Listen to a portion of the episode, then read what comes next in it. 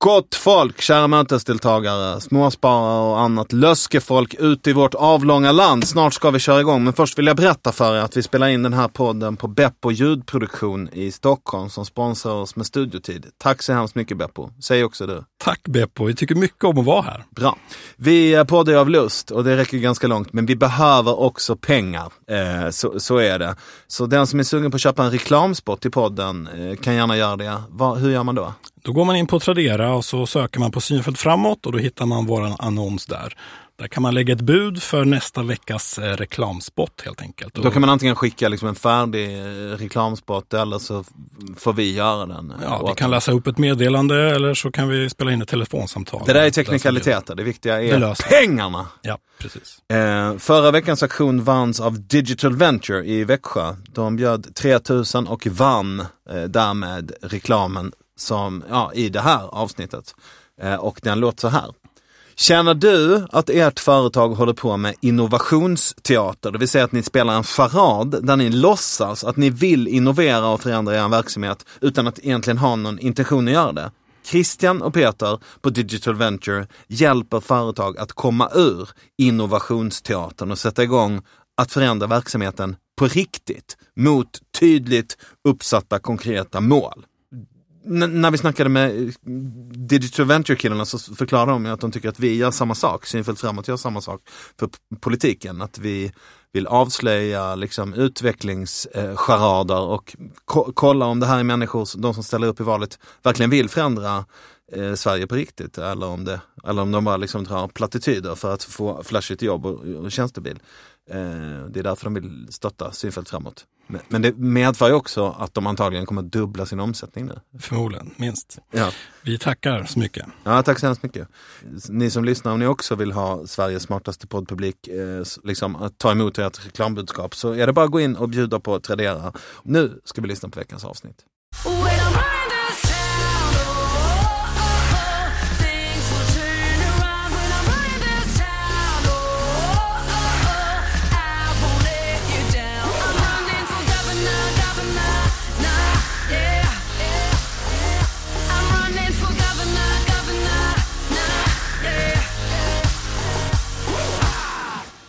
När vi startade den här eh, podden för eh, ungefär fyra år sedan så ehm, var utgångspunkten att, eh, för mig i alla fall som är komiker, att eh, någonting som det påstås att Albert Einstein säger, i alla fall om man läser på så Einstein-citats vykort i, i, i, liksom, på Gallerix, eller vad det heter, jag vet inte om Gallerix finns längre.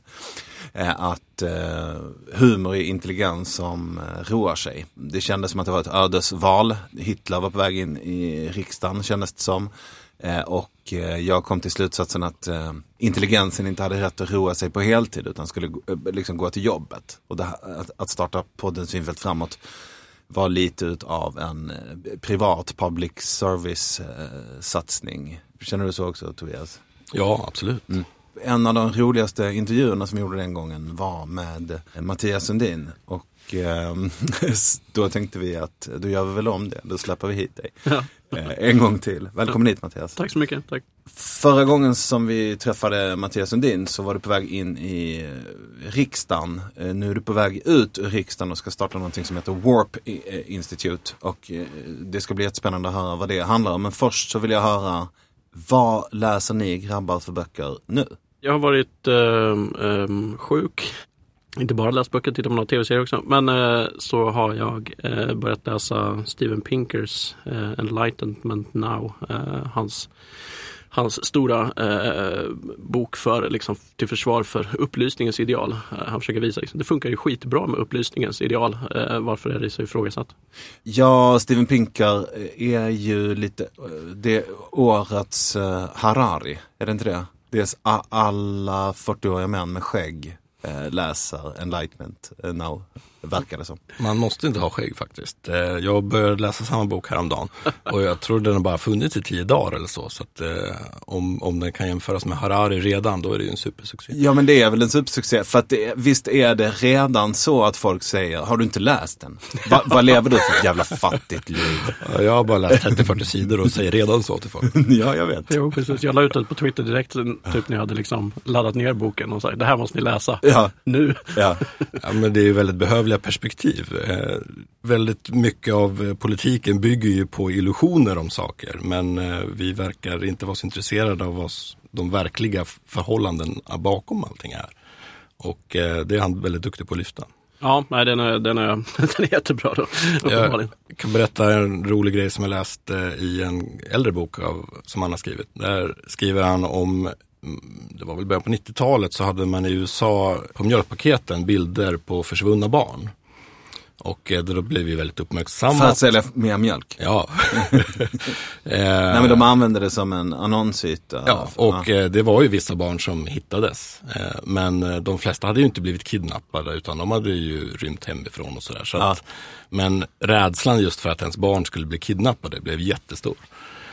Varpå då miljontals amerikanska föräldrar börjar ta för vana att köra sina barn till skolan och hämta dem i skolan.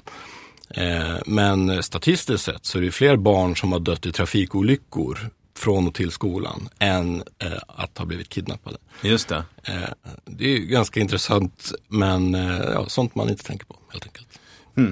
Ja, då kan jag säga att jag har precis läst ut återstoden av dagen. Yakamoto-huset är i Die Hard, eller hur? Yakamoto Building. Då heter han Ishigura. Jag blandar alltid ihop de två sakerna. En Nobelpristagare i litteratur. Han japanska engelsmannen som har skrivit Återstoden av dagen. En roman. Jag blandade upp läsningen av, vad fan heter det nu då? Som jag har kämpat med. Eh, Daniel Kahnemans Tänka snabbt och långsamt. Som handlar om heuristik. Eh, som ju lite kopplat till det där som du sa med mjölkpaketen. Alltså vad är det? Det, det, det där med att det är lätt att tänka tankar som man redan har tänkt handlar det väl lite om. Eller det handlar, har ni läst eh, boken eller känner ni till? Ja, jag har läst den och sen läste jag um, Michael Lewis, heter han, hans bok om eh, Kahneman och hans eh, kompanjonvän Tversky heter han va? Eh, och så.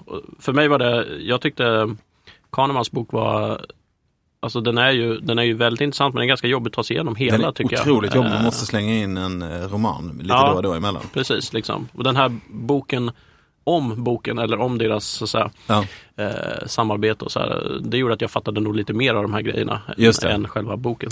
Eh, Men, men det, den, den, sto, den stora coola eh, revolutionerande grejen eh, för mig eh, när jag läste den här boken Eh, när, när jag läste första halvan av boken, det är så långt jag har kommit. Eh, det var att de gjorde en, eh, de lät, dela upp folk i olika grupper och så lät de, ja men jag kommer inte ihåg vad exemplet var, men det skulle till exempel kunna vara ena gruppen för uppgiften lista tre Kina-restauranger i Årsta. Andra gruppen får uppgiften lista sex Kina-restauranger i Årsta. Den första gruppen klarar lätt av att göra en lista om tre Kina-restauranger i Årsta. Den andra gruppen lyckas komma fram till fyra Kina-restauranger i Årsta. Eh, men eftersom de fick uppgiften att eh, eh komma fram med sex Kina-restauranger i Årsta så upplevde de eh, att det finns ganska få Kina-restauranger i Årsta eftersom det var svårt att komma på exempel. Eh, så många exempel som de förväntades komma på. Medan den gruppen som bara kom på tre, de upplever att det är ganska gott om Kina-restauranger i Årsta. Och för mig säger det allt. Eh, om eh, hur vi kommunicerar med varandra och vad vi, ja, hur, hur tanken kan luras. Eh, liksom, till att tycka att framtiden är dyster eller att vi lever i ett pissigt samhälle eller att vi har Ja, ont om pengar. Jag Eller såg sådär. precis här en undersökning, en internationell undersökning hur man ser på framtiden i olika länder.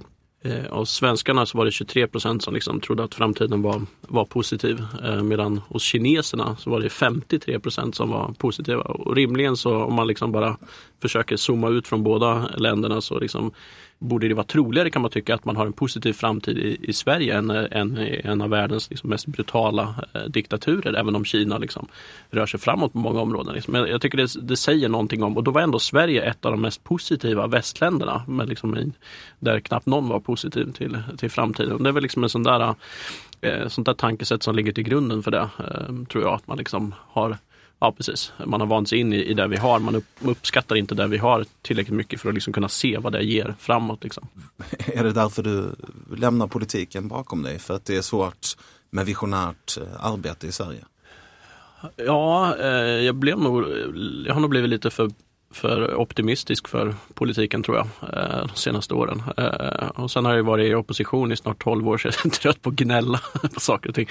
Eh, men eh, Egentligen så tror jag inte alls att det är omöjligt att vara visionär eller optimistisk i, i politiken. Men, men just nu så är det ingen som, som är det i svensk eh, politik utan alla är fokuserade på, problemen som finns mitt framför näsan. Liksom. Eh, och de ska vi naturligtvis lösa och ta tag i och diskutera. Liksom. Det är ju ing, det är ingenting som säger att man inte kan göra det samtidigt som man kan ha någon idé vad man vill med det här eh, landet. Så, så det är därför jag lämnar politiken nu för att jag tror att jag, att jag kan liksom göra större nytta utanför politiken än, än i politiken. Men det där hänger väl inte ihop eh, om det som behövs är visionärt tänkande och ansvarstagande, inte bara för de förvaltande uppgifterna Eh, utan också att eh, liksom visionera om framtiden. Om det är det som behövs och det är det du är bra på, då borde du väl stanna kvar i riksdagen. Jo, det kan man väl eh, tycka, men eh, jag tror som sagt att jag har en större chans att göra nytta eh, utanför politiken. Men det är klart, man kan tänka sig att liksom, man borde vara kvar och liksom, eh, kötta på då, eh, naturligtvis. Så, så kan man tänka. Men som sagt, eh, Eh, jag tror att nyttan blir större utanför, för då kan man forma det helt som man, som man vill. Så att säga. Man, då behöver man inte ta hänsyn till de negativa delarna med politiken. Att, att det naturligtvis går ut mycket på att, att kritisera varandra och liksom hitta, hitta fel eller lyfta fram fel och, och liksom naturligtvis presentera lösningar för dem. Men ändå det blir liksom det här, eh, det här fokuset. Så att Ehm, ja, kanske skulle jag om jag var kvar kunna liksom, eh, lyckas med det, men jag vet inte. Eh, utan då tror jag det är bättre att finnas utanför politiken, bygga upp en organisation och en community av människor som driver den här utvecklingen framåt. För det, det politiker och det hör man ju sen när man träffar folk överallt i näringsliv och allting. Liksom, hur får vi det här att hända och så vidare. Grundtipset är ju alltid att liksom påverka opinionen. För nu är opinionen stark för att liksom fokusera på eh, kring invandring och, och brottslighet och, och så vidare. Då gör ju politikerna det. Eh, nu tycker många att det tog för lång tid innan man gjorde det, men man gör ju det. Men skulle man ha en tydlig liksom väljar, eh, väljargrupp eh, som driver på för att liksom politikerna också ska lyfta blicken och, och eh, se liksom alla möjligheter med digitalisering och, och, och liksom fokusera på de eh, sakerna, eh, då, tror jag det, då tror jag det händer. Och min, det jag har lärt mig i politiken tror jag gör att jag har en liksom, större chans utanför politiken att skapa en sån liksom, rörelse, en sån community som påverkar politiken. Så du ska bli lobbyist alltså? Inte lobbyist i den formen som sitter och ringer någon i ett eh, utskott och vill ha en lunch och, och liksom prata om någon skatteteknisk fråga eller sådär. Men, eh, men att i lobbyist i formen av att skapa ett stort community av människor där det liksom framförallt skapas mycket idéer men också blir en stark kraft för, för påverkan. Så, så i den meningen, ja. Ja. Nej, vad just ordet lobbyist betyder är ju väldigt relativt. Så att, eh, ja. ja Men jo. du vill påverka? Så. Jag vill påverka, precis. Det har jag, liksom, eh, det har jag känt i, i hela mitt liv. Att det, är liksom, det är det som de driver mig på, eh, på olika sätt. Och då har ju politiken varit fantastisk för det eh, naturligtvis. Men den har sina begränsningar. Du har blicken mot framtiden och eh, för det lyfter vi hatten. Vi ska göra en snabbkoll. Ja, vi vill veta mer om eh, hur det funkade i riksdag, riksdagen och så, men eh, först en snabbkoll. Och då tänker jag att vi föreställer oss att nu är det 2030, så att eh, du får svara på frågorna utifrån det perspektivet. Jag skulle vilja köpa en fossilbil, hur tror du det går? Ny då. Eh, En ny kan nog bli väldigt svårt. Eh, Den kan, du kan säkert få tag i en, den blir nog väldigt dyr och den blir nog mest liksom för att du ska åka med på någon bana eller eh, något på inhägnat område kanske. Ja, Hämta, hämta barn som tar studenten tror jag fortfarande kommer finnas. Det kommer finnas Cadillacar som man skjutsar studenter med. nyproducerade. Nej, inte nyproducerade. Okej då. Kommer vi ha skatt på robotproduktion? Nej, det tror jag inte att det kommer. Varför? Det är liksom motsägelsefullt. Det kan ju låta liksom så här lockande. Ja, men nu de tar jobben. Det kan vi komma in på om, om det sker eller inte. Men så och då ska vi beskatta detta så att säga. Eh, men, men jag, jag tror det är så här, det uppstår som en tanke men, men det sker ju hela tiden i verkligheten. I verkligheten så sker det hela tiden att maskiner gör jobb och tar jobb som människor gör. Eh, Men vi har inte börjat beskatta maskiner på det sättet i alla fall. Det tror jag inte kommer göra med robotar heller. Den här betalningsterminalen på ICA, eh, där jag liksom, som, som hjälper med självskanningsstationen, den betalar ju inte inkomstskatt till exempel. Nej, Eh, och det kommer den inte göra 2030 heller. nej. Okej. Hur många procent av världens befolkning lever i extrem fattigdom? Alltså 1,25 dollar om dagen. Kanske eh, en, två, tre procent eller något sånt där. Det är Ja. 10 typ idag. Kommer du ihåg hur mycket det var 2018? 2018 så var det eh, strax under 10 procent. Ja. Har du uppgraderat dig med något, något slags implantat? Nej, eh, ja just det, vi är 2030 nu ja.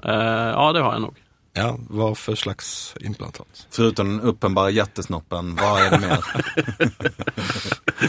Ja, jag tror att eh, kanske att man kommer ha någon sån här tidigt eh, liksom hjärnimplantat. Eh, så, eller liksom en, och eh, när man pratade om det här 2018 då, så tyckte folk det verkade väldigt läskigt. Ska man liksom operera in grejer i sig och sådär. Men smartphonen som vi, som vi hade då, okej de satt inte fast opererade i vår kropp men det var inte långt ifrån. Liksom. Eh, glömde man den hemma en dag så, så kände man liksom att man hade glömt en del av en arm hemma eller, eller sådär. Så någon form av liksom chip i, jag vet inte om den sitter ja, i, i huvudet så att säga, men, men liksom som, som gör att hjärnan är uppkopplad i någon, någon eh, enkel variant i alla fall. Coolt. Då, för 12 år sedan, 2018, så hade man ju SL-kort. Plast. Och, och, och då var de ju, man köpte dem för 30 dagar. Och om man då inte, ja, eftersom månaderna är inte 30 dagar så flyttar det så man vet aldrig när det ska ta slut. Man vet bara, i slutet av månaden så vet man att när som helst kan det ta- stopp liksom. Eh, hur funkar det där nu för tiden?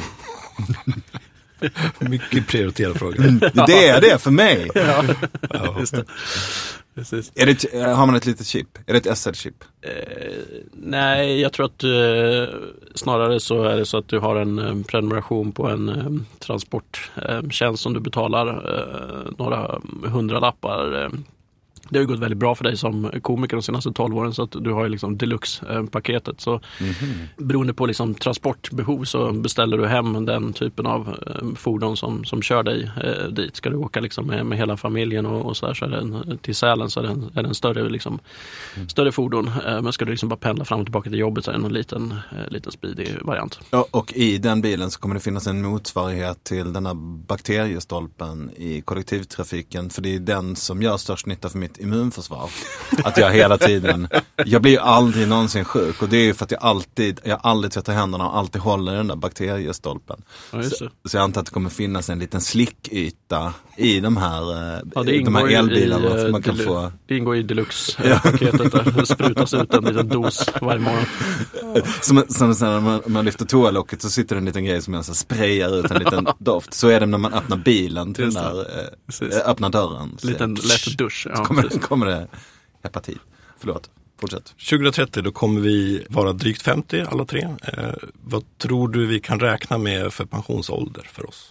Jag tror nog att eh, säkert kommer det finnas någon pensionsålder eh, som eh, eh, när vi då liksom spolar fram tiden ytterligare då som kanske är någonstans runt eh, 75 eller något sånt där, som man liksom har, har rätt att eh, gå i pension. Men jag tror att i ökande grad så kommer väldigt många människor inte gå i pension eller att man kanske bara fasar ut sig lite långsamt, man jobbar lite mindre och, och sådär. Eh, men det här att man är utsliten eh, så kommer det vara betydligt färre som kommer vara utsliten och behöva gå i pension av den anledningen. Utan man kommer att fortsätta spela in podcasts eller vad det nu kan vara.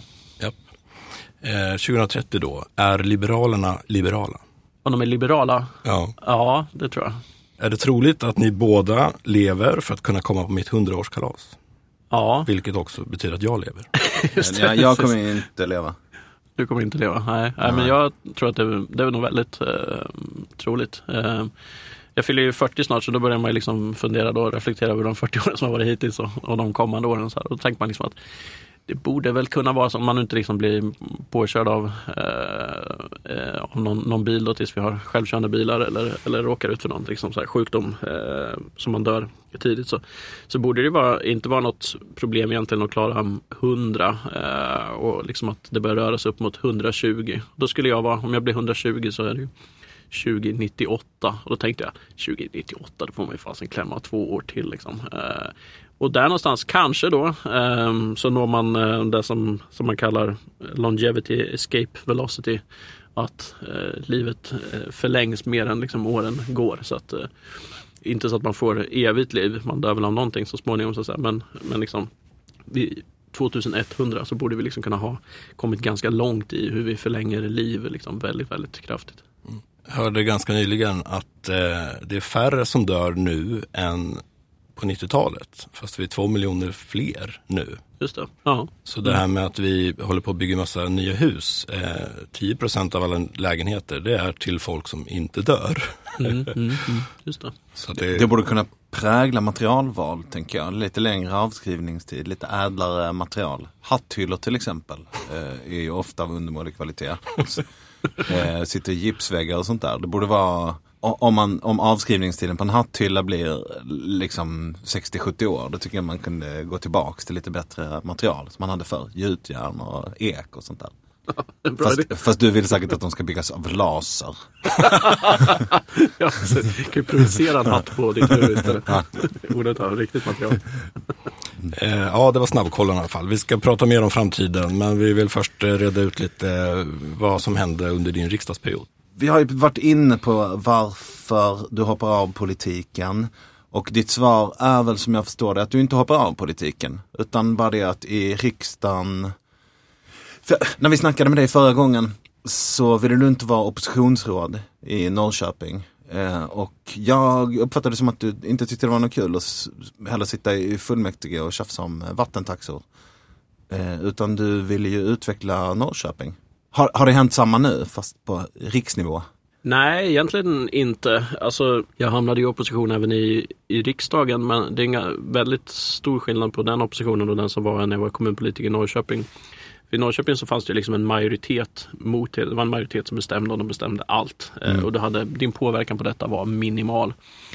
Eh, nu i riksdagen så eftersom regeringen inte sitter på en egen majoritet så måste de förhandla hela tiden. Så att eh, det har gjort att riksdagen för första gången på länge har liksom haft en verklig betydelse där frågor faktiskt avgörs i förhandlingar.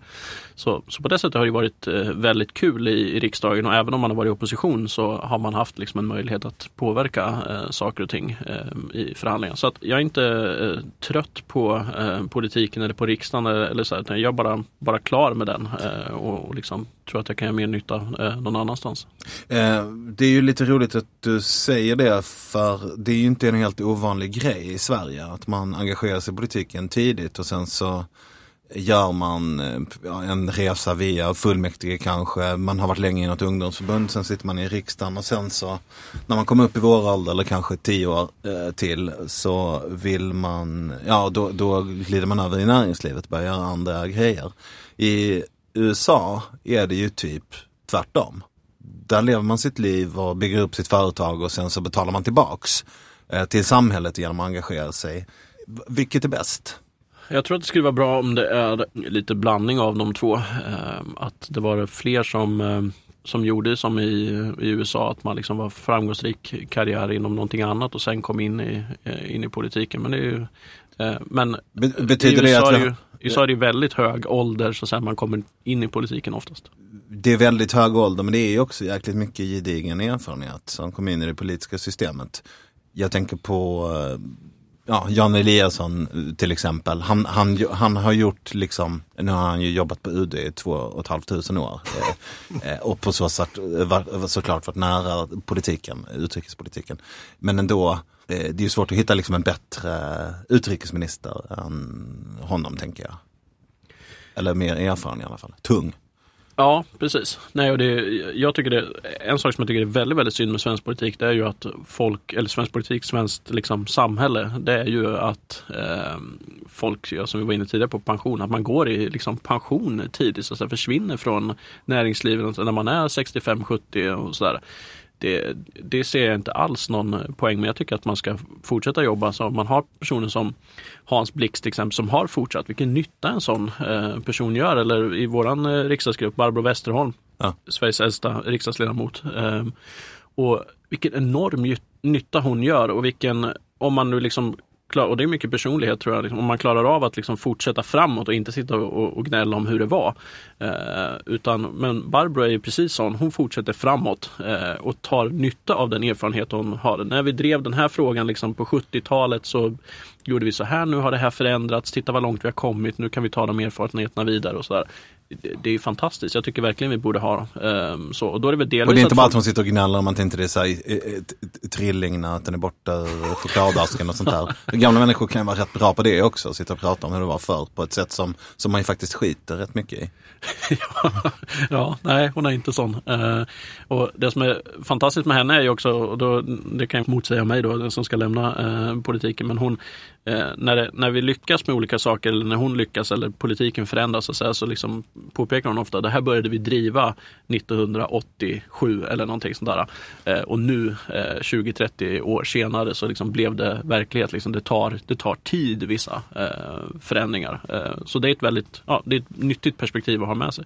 En snabb fråga till bara. Du har ju berättat att du har varit med och kampanjat i USA för Republikanerna. Det var McCain tror jag vi pratade om förra Mm. gången. Eh, har du varit med och kampanjat för Republikanerna den här gången också? Nej, gud. Ditt intresse svalnade lite? Eller? Ja, ganska hårt. Eh, ja, jag tycker det är så djupt eh, tragiskt eh, det som har hänt i USA. Så liksom, eh, jag lyssnade igenom eh, förra, förra intervjun här som för fyra år sedan. Då pratade vi ganska mycket om USA amerikansk politik och sådär. Det är klart jag hänger med nu vad som händer men intresset har ju liksom eh, nästan stendött för det är, bara, det är bara tragiskt att se. Eh, ska vi göra det till en liten sport och inte nämna idioter vid namn i, i den här podden? Ska vi vara de det kan, enda som det kan vara det enda medie i hela världen som inte gör det. det, det kan man vara ett eh, claim to fame. Vi är den enda podden som inte sä, sä, säger hans namn. Japp. Eh, ja, precis. Eh, I vilken grad tycker du riksdagsledamöterna som du har jobbat med har ett framtidsfokus?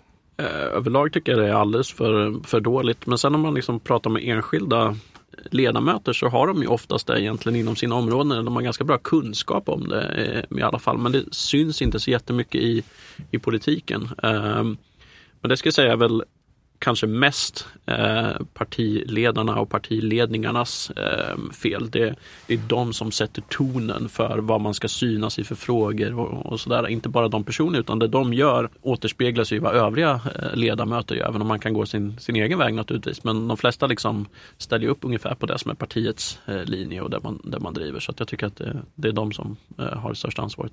Ja. Eh, Jag minns på 90-talet när eh, personuppgiftslagen, heter så, eh, PUL, uppdaterades till att även inkludera massa regler om webben till exempel. Och då frågade man massa riksdagsledamöter vad de trodde www betydde. Och det var ju ja, en bråkdel som visste vad det betydde. Vissa gissade på Wild Wild World till exempel. Då, då känner man sig lite otrygg. Tror du att det är bättre koll nu för tiden? Ja, BBV har de nog eh, koll på. Det, det beror på vad som händer inom, inom området så, att säga, så, så får de som jobbar med området får då koll på det. Så att säga. När jag, för två år sedan är det väl nu, så hade jag ett stort seminarium ihop med Volvo i riksdagen om, om självkörande bilar. När jag berättade för folk i riksdagen om detta seminarium så sa de självkörande vad? Va? Bilar? Va? Liksom, och sen lite så här, herregud, liksom, pyssla med någon fråga som har någonting med verkligheten att göra. Liksom. Man lägger en tegelsten på gaspedalen. och- Ja, typ. Exakt. Och surrar ratten. Liksom. Eh, men sen bara liksom ett halvår, ett år senare så visste plötsligt alla eh, vad det var och att det var någonting helt naturligt. Och, och, och sådär, liksom bara för att på något sätt samhällsdebatten eller vad det nu var, samhället hade flyttat sig, sig dit. Så att säga. Men jag skulle önska att det var i fler fall så var det Eh, riksdagsledamöterna som var där lite före. Eh, det verkligen bryter igenom brett så att säga. Liksom pushar den utvecklingen, har lite koll i, i förväg. Liksom. Men du argumenterar ju för motsatsen för en liten stund sedan. Du sa ju att det inte är meningsfullt att vara i riksdagen för att riksdagen svarar bara på eh, opinionen. Och det gäller väl även här i sådana fall. Eh, När, när folk börjar intressera sig för problem eller möjligheter med självkörande bilar, först då är det riksdagen ska börja hantera frågan om självkörande bilar.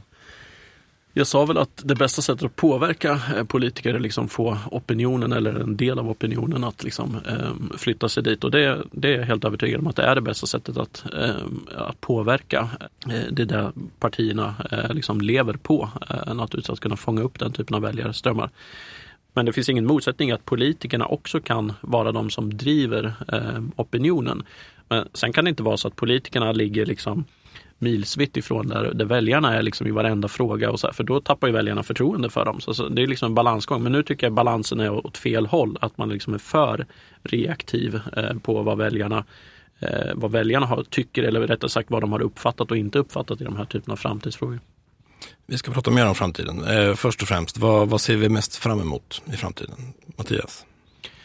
Jag ser mest fram emot att saker och ting som eh, är bristvaror idag eh, blir, liksom, finns i, i överflöd. Eh, det har vi sett liksom med teknikutveckling jag ta information då, till exempel. Så, så har det gått allt från att eh, det var eh, för flera hundra år sedan otroligt dyrt att skriva en bok och framförallt att liksom kopiera boken för man gjorde det för hand och sen kom tryckpressen och gjorde det mycket, mycket billigare och, och idag har vi Wikipedia och liksom hela internet. Liksom. Så, så det som var en bristvara, liksom, böcker eller information, kunskap, eller, finns i överflöd eh, idag. Eh, men det här kan ju ske på Eh, och, och vill jag ska ske liksom på många flera eh, områden. Till exempel har vi inom eh, Inom hälsa eller sjukvård så eh, har vi liksom, jag tror vi är precis i början av en sån fantastisk eh, utveckling där. där liksom, tid i sjukvården, tid med läkare är ju en kraftig bristvara eh, idag. Eh, med de här olika Eh, videotjänsterna eh, mot, mot läkare, eh, Kry och Min doktor och alla, och alla de här, så har ju det, det blivit lite mera tillgängligt tiden med läkare, men det är ju bara, bara, bara början på det hela. Eh, nu, kommer det, nu flyttar det ut eh, så att du kan göra liksom enklare prov, blodprov och andra saker liksom, hos, på apoteken. Det gör att det kommer ytterligare lite, lite närmare, lite enklare.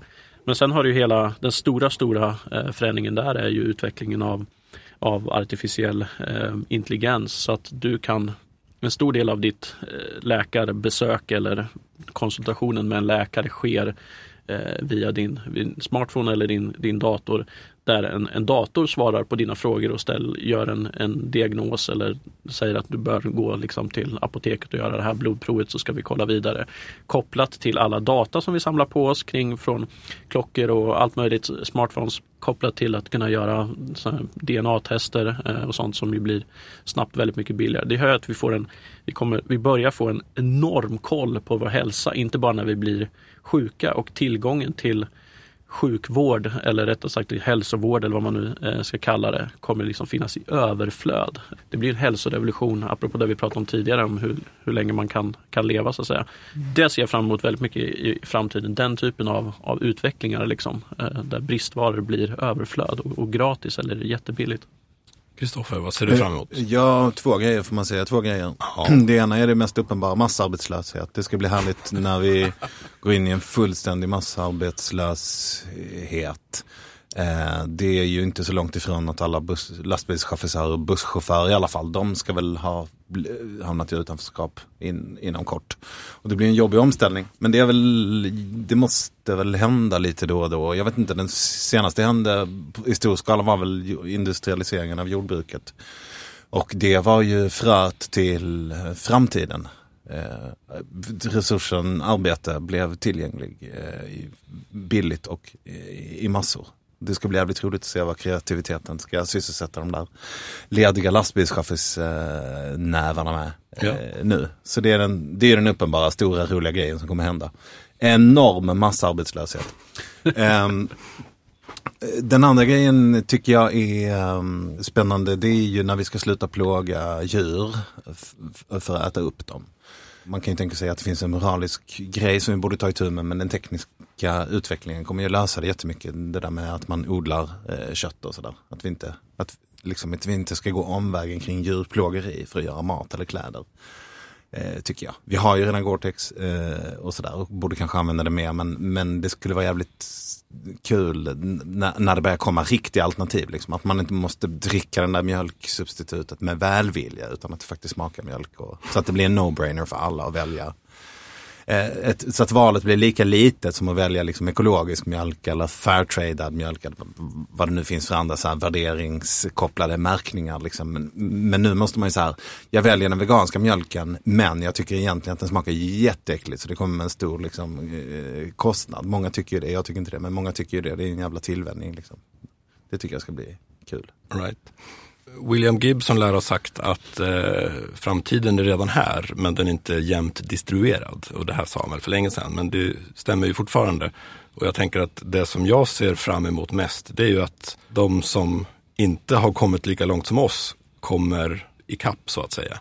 Eh, vad framtiden kommer göra eh, för mig, det kommer säkert bli jätteroligt. Men vad framtiden kommer göra som jag tänker mer på, det är ju vad den kommer göra för de som är fattiga idag och de som eh, ja, dör av enkla sjukdomar och eh, lagar mat med und, över öppen eld och så vidare. Det är ju livsfarligt och eh, framtiden kommer lösa framförallt problem för dem, tänker jag. Mm. Så det ser jag fram emot. Eh, Ja, det var ju fint sagt, nu känner vi oss ändå lite dumma. Jaha. Eh, Jag tänkte också säga det. Ja, det, där, det är mitt svar. Klipp om.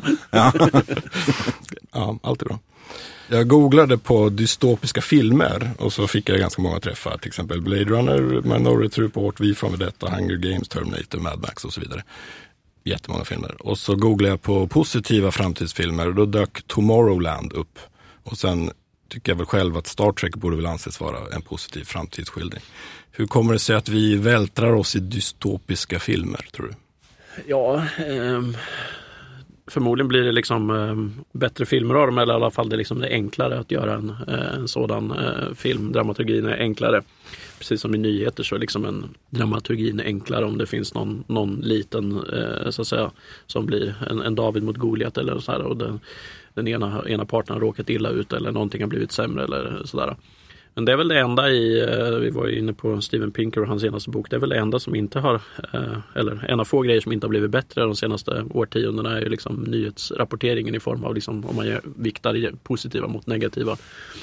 Jag tänkte när jag läste det där i, i den boken och, och, här, och, och när man har reflekterat över nyhetsmedia här eh, och så, så tycker jag de har ett ansvar eh, att liksom fundera på sin roll i samhället. Eh, är det deras ansvar att bara lyfta fram elände? Liksom så här? Ja, definitivt har de ju den här liksom granskande rollen. Den är ju otroligt viktig i media.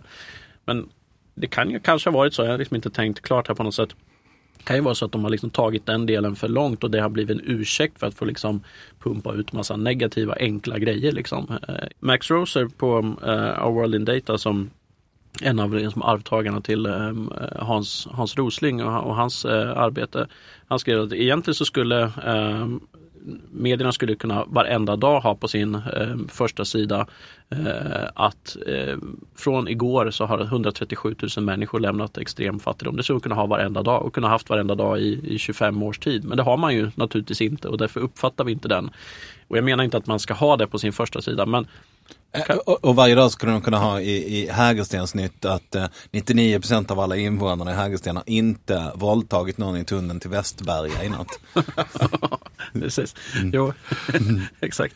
Ja, det kanske inte blir liksom, eh, nu vet jag inte hur Hägerstensnytt, hur, hur många som läser den. eh, Men eh, Nej, det är inte alla. kanske Mång, många, många trampar ju på den när, när man går in i lägen, lägenheten. Så, så är det ju. Och det är kanske inte så många Det är mer som skulle läsa den om man hade den typen av nyhet. Men man kanske borde fundera lite i journalistiken liksom, kring hur ser deras rapportering ut egentligen? Vad är motiven till liksom, varför de rapporterar som de gör? Men vi är ju en del av problemet för att eh, de ser ju exakt vad vi klickar på och eh, klickar vi på eh, ja, något eländigt, ja då köper vi ju i praktiken fler artiklar på samma ämne.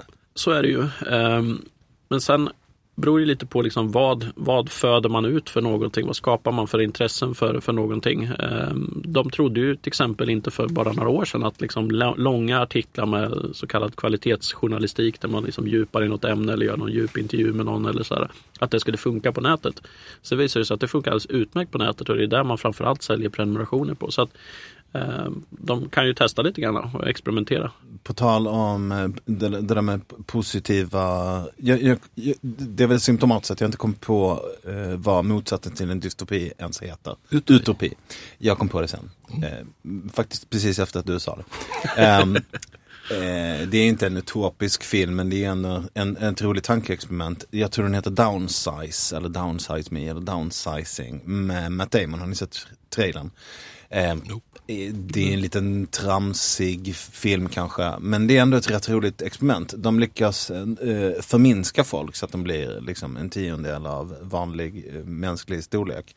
Och så bygger de små dockhusvärldar till de här människorna. Så det är liksom en tjänst man kan betala för att eh, mig pytteliten. Och därmed så blir också dina hundratusen typ 10 miljoner. För att i den här minivärlden så ökar din köpkraft väldigt mycket eftersom du äter pyttelite, tar upp väldigt lite. Eh, Ni, ni, känner ni igen filmen alls? Nej. Nej, den går på bio nu. Den är otroligt dålig. Men eh, jag skulle ändå kunna tänka mig att se den igen för att jag tycker att tankeexperimentet är så jävla roligt. Så här, what if? Om, om, om vi skulle bli betydligt mindre, då skulle vi lämna så mycket mer, eh, mindre avtryck på planeten. Vi skulle behöva göra av med så mycket mindre energi. Vi skulle få plats med hur många människor som helst i ett land. Och så här. Det är ju såklart kanske inte en tekniskt möjlig framkomlig väg, men det är ändå lite roligt. Ja, men det är lite det som händer ehm, så att säga, med det jag sa liksom med att bristvaror blir överflöd. Så att säga. Inte genom att vi blir mindre, så att säga, men våra tillgångar har blivit så mycket större. Inte alltid eh, har detta eh, varit bra, så att säga. Ehm, man, men eh, på det stora hela så är det ju ungefär det som, som händer i världen faktiskt. Det ger ju någon slags eh, social cred att engagera sig i ett problem.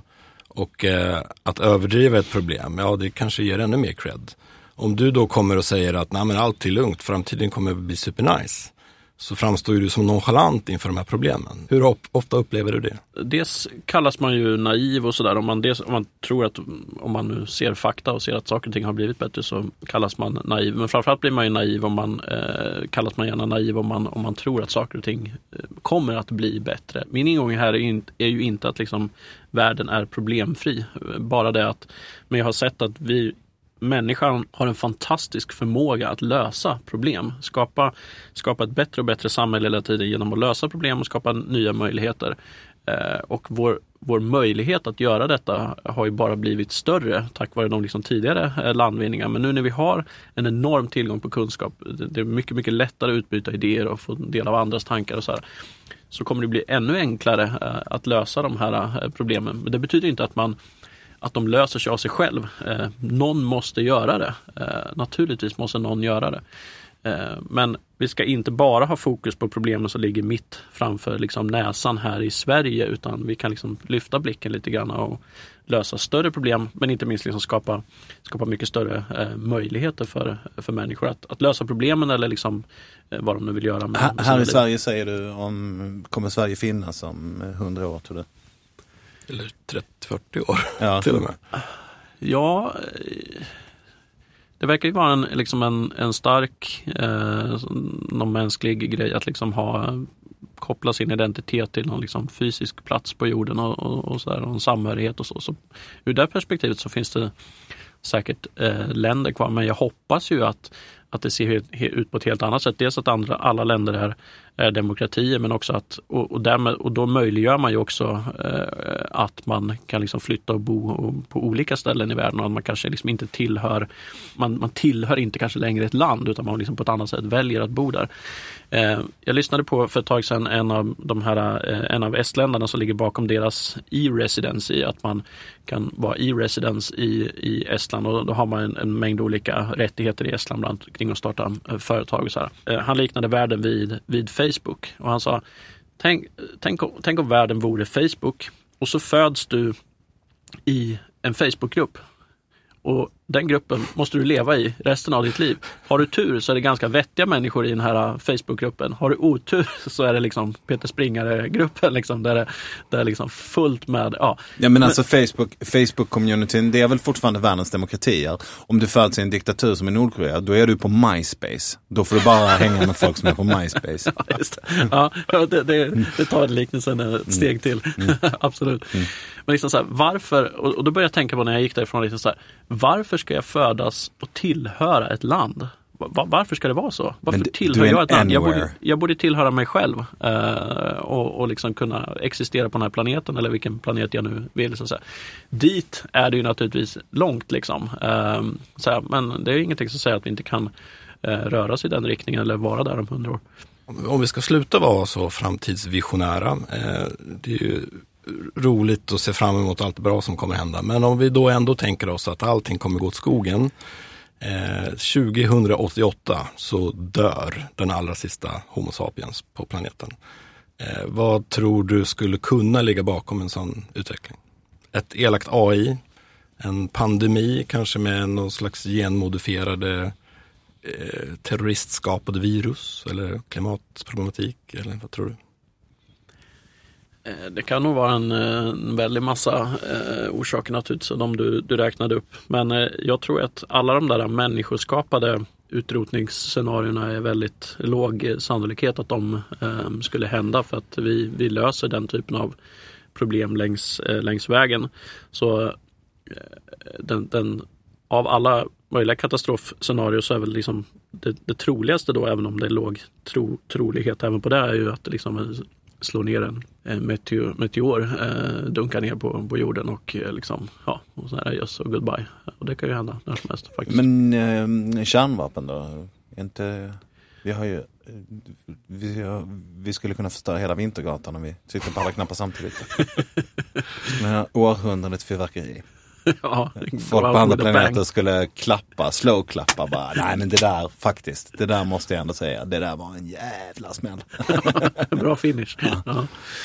Nej, kärnvapenkrig känns det som en, eh, en väldigt eh, låg sannolikhet. Att om det skulle ha skett så borde det ha skett liksom på 60-70-talet när det var som störst eh, spänning. Liksom. Eh, men eh, det finns ju liksom något inbyggt där i att de tar ut varandra. Så att säga. Man trycker inte på knappen för då vet man att man själv utrotar sig. Nej men de finns ju ändå. Det, är ju dels, alltså, det, det, det där resonemanget håller väl inte riktigt. Eh, att det, det finns ett lager med fyrver, fyrverkerier. Eh, är väl ett problem i sig själv. Det räcker ju att någon går in och röker eller att någon bryter sig in och snor alltihopa eller så. Så smäller det ju ändå. Och vi har ganska instabila ledare. Det, Ja, vi kanske får ännu sämre ledare framöver. Ja, det är väl möjligt. Men, och de kanske är instabila, men, men vill de utrota sig själva? Eh, han som inte nämner dem vid, vid namn. eh, just det. det, väl, det skulle väl liksom kunna vara den värsta katastrofen han kan tänka sig i samhället. Att, att liksom, han inte skulle existera längre, för det vore väldigt dåligt för världen. Just det. det gäller bara att förklara för clownen att, att om han, om han jukar någon långt bort så kommer de hinna second strike honom. Ja. Eh, det måste vi förklara. Det måste, vi måste göra en enkel serie som förklarar det för honom. och skicka, skicka till Vita huset. Precis. Jag har tänkt att vi ska presentera varsitt eh, förslag. Politiskt förslag med koppling till framtiden. Eh, Tobias, du får börja. Eh, ja, eh, då tänker jag att eh, i skolan så har man ju som bekant ett ämne som heter historia. Och så får man lära sig vad kungarna hette för flera hundra år sedan och så. Och det är ju jättebra att veta. Men jag tänker att eh, skolan borde ju också ha ett ämne som heter framtid. Uppenbarligen är det så att vi inte riktigt har någon uppfattning om vad framtiden kommer leda till. Och eh, ja, det, det borde eh, ja, skolan kunna engagera barnen i och eh, det skulle både bli väldigt fantasifullt, förmodligen väldigt kreativt och det skulle kunna föda riktigt bra idéer ur det där också. Jo men det låter Men- ju bra, men hur finansierar du det? Vad ska du ta bort för någonting? Snälla säg att du ska ta bort slöjd. Ja, jag vill väl helst ta bort matematik. Jag tänker att, eh, eller ja, inte vet jag. Skulle man ha framtid på skolschemat så tänker jag att då skulle man eh, dels vara förberedd på allt som kommer och dels så skulle man i högre grad vara med och utveckla framtiden och göra den till något riktigt bra. Hmm. Ja, intressant. Eh, jag tycker fortfarande att du måste ta bort någonting. Slöjd, matte, men eller faktiskt hemsk kunskap. Eh, där man måste lära sig göra lasagne. Ja, men är det inte synd att alla människor äter Gorbis när man kan laga mat? Nej, men det som händer i hemkunskapskällaren eh, är ju att man tappar lusten att laga mat. Så därför värmer man Gorbis. Nej, men man kan lära sig att laga mat på något annat. Skit i det. Men jag tycker hemkunskap ska bort. Okej Mattias. Är det min tur Ja. med ett förslag? Ja. Ehm, jag tycker vi ska ha ett ehm, mål i, i svensk rymdpolitik, att vi ska ha en svensk på Mars på eh, 2030-talet. Eh, inte att vi ska ha ett eget eh, rymdprogram och bygga eh, egna raketer för jättemånga miljarder och sen skicka dit ett gäng svenskar, utan helt enkelt att vi liksom i samarbete med, med andra, eh, European Space Agency och eh, NASA, eller, och eller eh, privata eh, företag. Men att vi sätter här- upp ett, ett Här mål. kan jag säga till lyssnarna att du har en SpaceX-tröja på dig. Ja, just det. Ja. Precis. Så gulligt av dig att säga Det här NASA, förslaget, men ja, jag precis. tror nog att... Brought to you by ja, Elon Musk. Mm. Um, eh, nej, men jag, jag tror att eh, man ska ha den eh, typen av, eh, av, eh, av mål eh, i just Rymdpolitik har ju varit ett, eh, det var en, en stor överraskning för mig själv att vi inte har, vi har ingen svensk eh, rymdpolitik idag. Vi lägger en del pengar på det men vi har ingen rymdpolitik. Det finns ingen politiker som tycker någonting om Va- rymdpolitik. va- Vad är det de gör där uppe i i Kiruna på på rymdcentret där? På eh, S-Range? Eller Ja. på, ja. Eh, ja, dels skjuter de upp lite grejer eh, lite så här, eh, och gör en del forskning och, och sånt. Mm.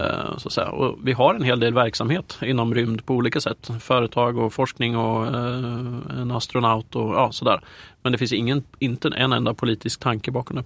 Men jag tycker då att sätta upp ett mål om att ha en svensk på Mars på, på 2030-talet.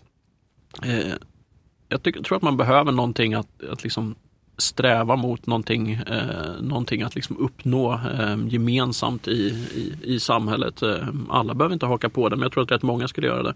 Och skulle vi kunna placera en svensk på Mars på 2030-talet så tror jag det är någonting som vi skulle bli väldigt stolta över som, eh, som nation. Eh, precis som att eh, det skulle slå ut alla de här OS-gulden som vi, eh, vi tar nu om vi skulle uppnå något, eh, något sådant som eh, nation inom hela rymdområdet så sker ju en jätte, jättespännande utveckling nu när det går från att det bara var nationer, presidenter och så som liksom dikterade utvecklingen inom rymdområdet till att det är entreprenörer och, och privata företag och privata intressen som driver utvecklingen nu.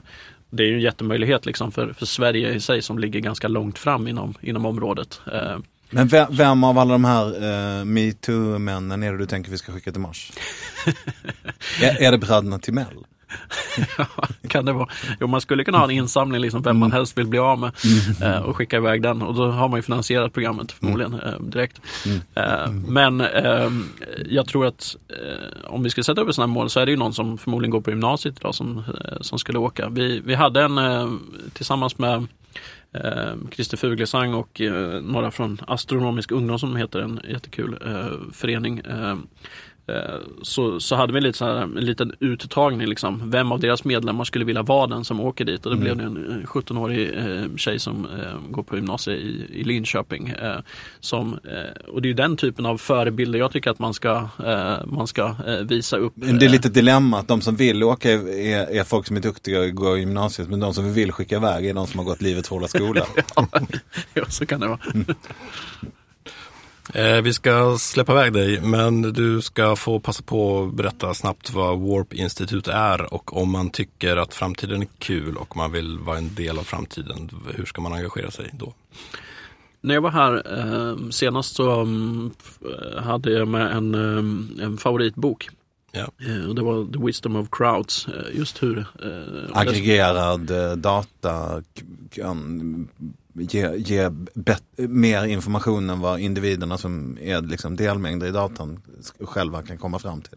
Ja, att, att liksom vi tillsammans eh, i olika grupperingar men som mänsklighet liksom är smartare än enskilda individer. Då påstår jag att du, du Tobias var, var smartare än, än oss andra. Det sa du att det var absolut fel. Men jag tror ändå att det kan vara så. Men tillsammans så är vi liksom, eh, vi, är, är, vi tre är, är smartare än någon enskild eh, person här.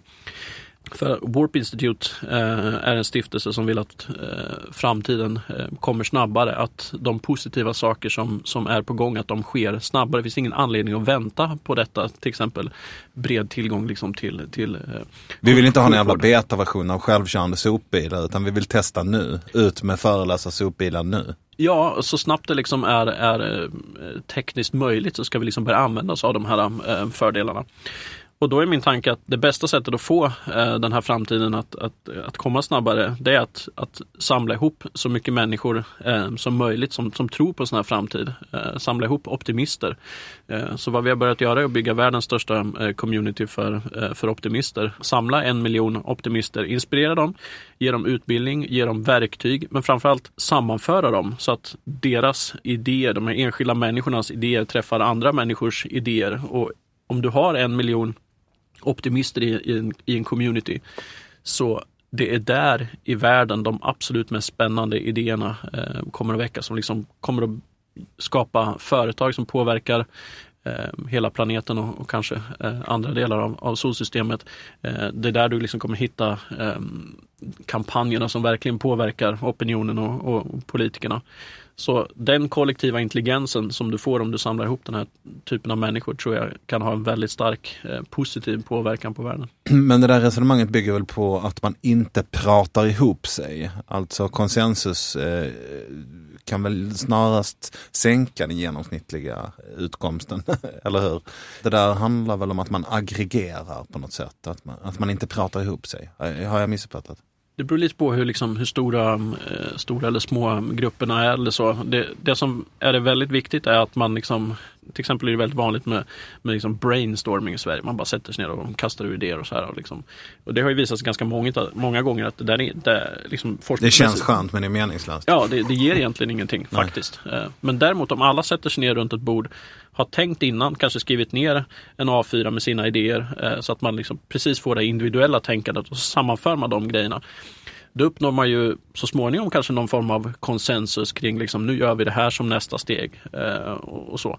så konsensus behöver inte vara dåligt på det sättet men det gäller att folk liksom tänker eh, individuellt. Men men rent allmänt kan man säga att ju lättare du gör för människor att utbyta idéer med varandra, desto fler nya eh, idéer skapas. Så liksom har vi sett hela mänsklighetens eh, historia.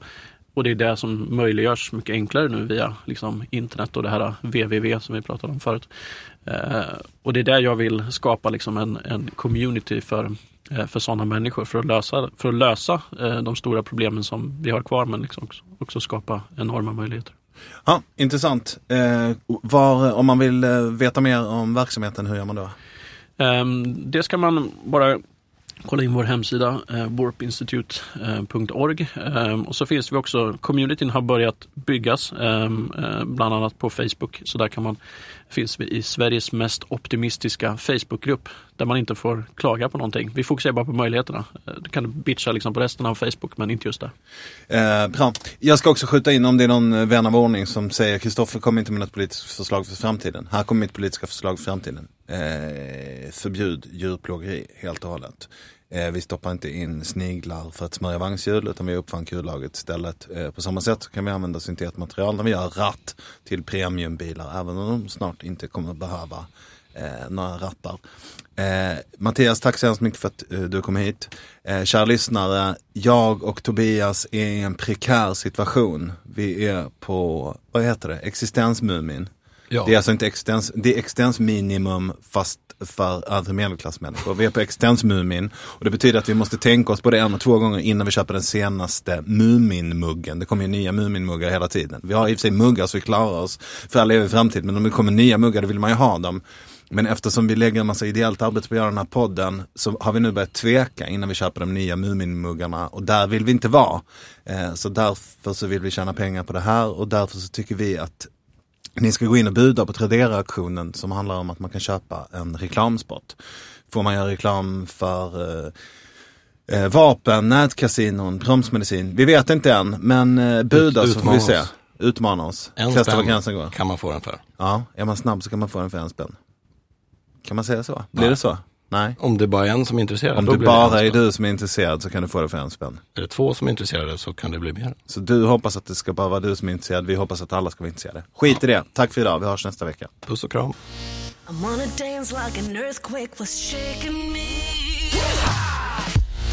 I'm gonna sing like my heroes were with me. Yeah.